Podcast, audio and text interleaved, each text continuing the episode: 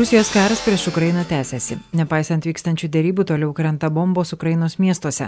Po antradienį įvykusio naujo dėrybų raundo, šį kartą jau Turkijoje, Ukraina atremia polimą ir vykdo kontratakas, o Rusija skelbia atitraukianti dalį savo pajėgų nuo Kyivo ir Černyhivo. Tačiau ir čia tebe išliekas oro smūgių pavojus. Kokios mintys Ukrainoje ir kaip dėrybas mato patys ukrainiečiai. Kalbame su Andriy Bistrov, kuris šiuo metu yra Ukrainos mieste Chmelnitske. Что люди говорят? Ну, прежде всего, мы должны понимать, что это предварительный этап переговоров. Да? То есть это переговоры, которые на этапе вот, делегации обсуждаются, делегации потом едут в свои страны, начинают... Э, Pirmiausia, turim suprasti, kad tai pirminės dėrybos, kur kalbasi delegacijos, tada važiuoja į savo šalis konsultacijoms, tad tai negalutinės dėrybos. Tad be to, kad tikėti negalima, dar nėra ir kuo tikėti. Ukraina bet kuriuo atveju atvira dėryboms. Mūsų prezidentas sako, kad jei tai išsaugos bent vieną gyvybę, mes dėryboms pasiruošę. Manom, kad dėrybų lygis išaugo, nes jos surinktos nebe Baltarusijoje, o neutralioje šalyje Turkijoje. Erdoganas jas atidarė, tad statusas auga. Matom, kad Rusija jau pasiruošusi kalbėti apie savaime suprantamus dalykus. Jie tai, kas atsitiko, pateikė kaip savo pasiekimą. Kariniu būdu jie nebegali judėti toliau šiaurinė kryptimi link Černyhovo ir Kievo. Ir sako, kad deeskalaciją išvesim iš ten karius. Bet jeigu jie neišvestų, tai būtų apsupti ir sumušti tomis kryptimis. Tad jie dabar tiesiog išvadė ir pateikė tai kaip taikos norą. Bet bendrai ir ekspertai ir visuomenė mato ir supranta, kad mūsų diplomatų bandymai yra gerai gerai, kad yra judėjimas tą kryptimį, bet paskutinis žodis visgi priklauso nuo karinių veiksmų, o ne Facebook'o komentatorių ir ekspertų, nes kai kurie dalykai reikalavimuose mums nepriimtini jokia forma. и Киева, и они говорят, окей, для деэскалации мы выведем войска отсюда. Ну так если бы они их не вывели, то они были бы окружены и разбиты на этих направлениях. Да, они теперь их просто выводят и подают это как ну, такое э, желание мира. Вот. Но в целом и эксперты, и общество видят и понимают, что а, попытки от наших дипломатов есть. Э, это хорошо, что есть движение в этом направлении, но э, последнее слово остается все-таки, все-таки за театром военных действий, не за э, там, Facebook-комментаторами или экспертами относительно этих переговоров, потому что ну, ряд, ряд вещей там в требованиях, они неприемлемы для нас ни в каком виде. Peskovas sako, kad Ukraina perėjo į rašytinį pasiūlymų pateikimą ir tai jau gerai, o ką gauna Ukrainos pusė, nes dėrybos yra iš dviejų pusių. Akivaizdu, kad Ukraina nepasiduoda ir nepaklūsta, o kaip tik atvirkščiai, kai kur jau atsijima teritorijas, kurios buvo okupuotos. Kaip tai atrodo? Ключевая позиция Украины на переговорах следующая, что любые э, разговоры о том, как строить наше э, дальнейшее будущее э, с агрессивным э, соседом, Praktinė Ukrainos pozicija dėrybose, visi pokalbiai apie tai, kaip atrodys mūsų ateitis su agresyviu kaimynu, galimi tik po pilno Rusijos kariuomenės išvedimo ir teritorijos vientisumo atnaujinimo į vasario 24 dienos būklę. Po to jau galim kalbėtis. Mes suprantam, kad Rusija nepasiruošusi tai padaryti. Jiems reikia išsineždinti iš visur, iš pietų, Donbaso, Mariupolio ir jie dabar to nedarys diplomatiniu būdu, bet mūsų armija dirba ir jie pamažu priverčiami tai daryti kariniu būdu. Iš savo pusės Ukraina Ukraina svarsto nestojimo į NATO galimybę, bet mes siūlom kitus variantus mūsų saugumui garantuoti. Yra dalykų, kur mūsų darybinių pozicijų pajudinti neįmanoma, pavyzdžiui, narystė Europos Sąjungoje. Tai nesvarstoma. Mes judame į Europą, bet kuriuo atveju dokumentais, žinoma, ne šiaip mes ir esame Europoje, bet neutralumo klausimas svarstomas. Partnerystė su NATO svarstoma. Šalys garantai, kurios garantuotų mums saugumą pagal NATO penktą straipsnį, taip pat svarstomos. Pavyzdžiui, Britanija jau šiandien pareiškė norą, kad jie pasiruošę būti garantų bus ir daug daugiau, galbūt Baltijos šalys, Turkija. Protingo kompromiso paieškos vyksta, bet yra raudonos linijos, kurių neleis pereiti pati tauta, nei darybininkams, nei prezidentui. Ir jei prezidentas pasakė apie referendumą, pagal mūsų konstituciją mes turim išsakyti nuomonę dėl Krymo ir Donbaso, bet bet koks referendumas daromas tik taikos metu, o ne po automatų šūviais. Išveskite kariuomenę, atšauksim karinę padėtį ir tada bus galima daryti referendumą pagal konstituciją ir balsuoti. Ką ukrainiečiai pasakys, tą prezidentas ir padarys дел Крыма и Донбасса статуса. эти красные линии просто народ украинский, ни переговорщикам, ни президенту. То есть, ну, здесь все очень просто и, просто и понятно.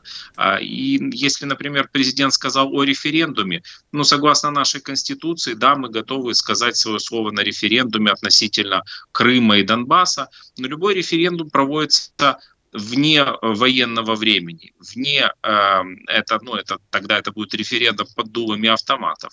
Пожалуйста, выведите все войска, э, будет э, упразднен э, военное положение, вот, все вернется, и тогда мы вот уже можем проводить референдум согласно нашей Конституции и голосовать.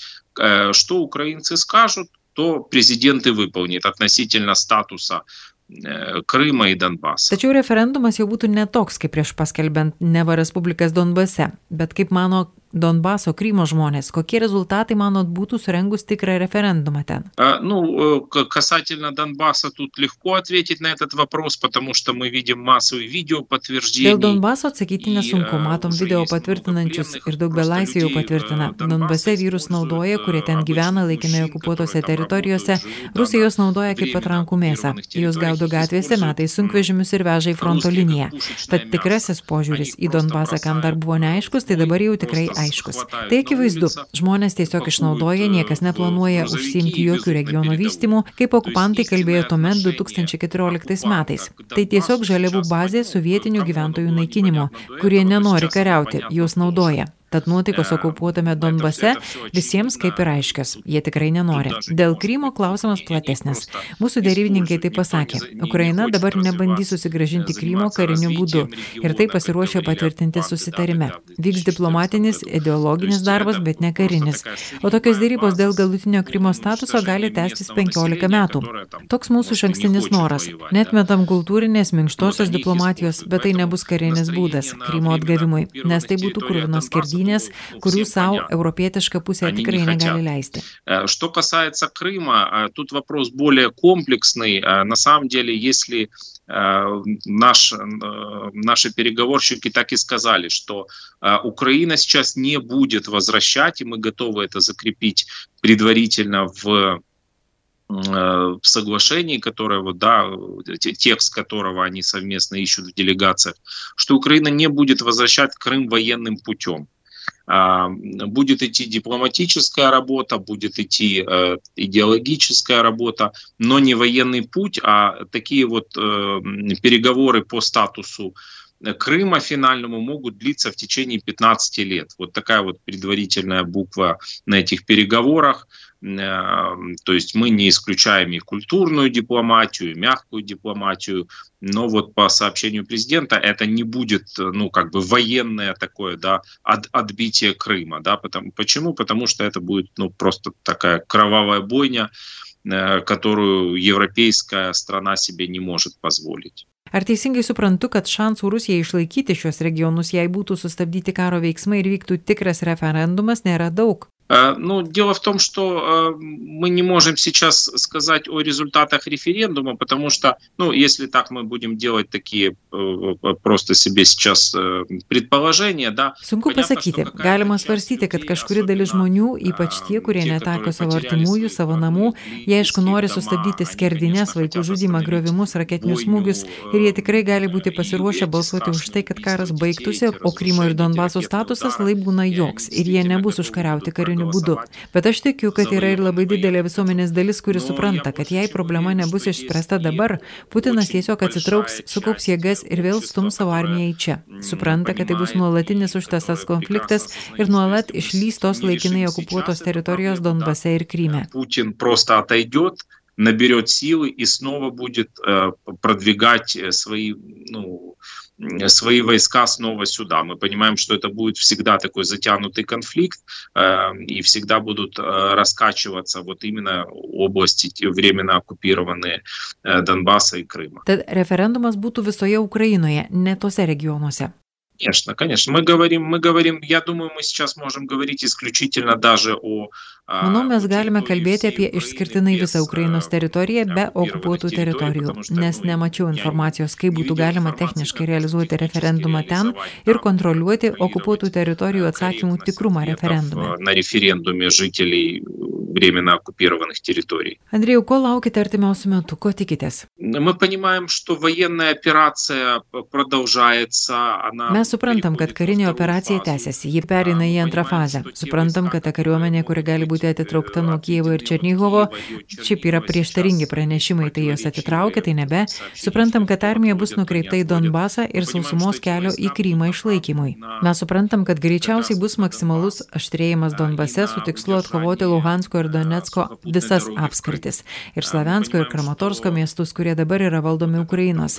Ten matyt bus konflikto tolesnis vystimasis. Ir ten pagal mūsų karinių ekspertų vertinimus itin sudėtinga situacija, ypač kritinė karinė padėtis Mariupolyje. Вот, очевидно, будет там такое развитие конфликта, и там сложная ситуация по оценкам наших военных экспертов, особенно критическая ситуация в военном плане, мы сейчас говорим, да, о, о Мариуполе.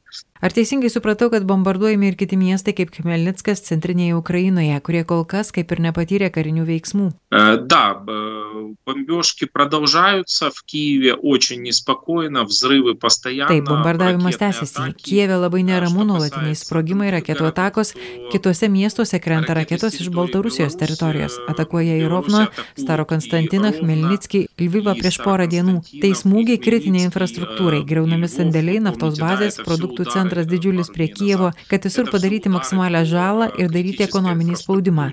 Nesuprantam, kad kuras ir šaudmenys labai svarbu. Tai yra tai, ko Ukraina nuolat prašo.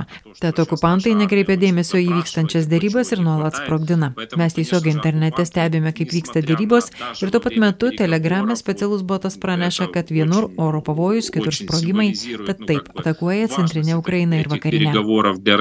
Мы тут онлайн смотрим как идут переговоры, и при этом вот тут же в, в Телеграме, да, там специальный бот сообщает, что там воздушная тревога, там раздались взрывы, то есть э, мы понимаем цену этого всего. Поэтому да, сейчас активно атакуют э, центральную Украину ракетами и атакуют западную Украину в том числе. Radio stočiai FM99 iš Melnickio Andrėjai Bistrov, jį kalbino Vilija Kadaraitė.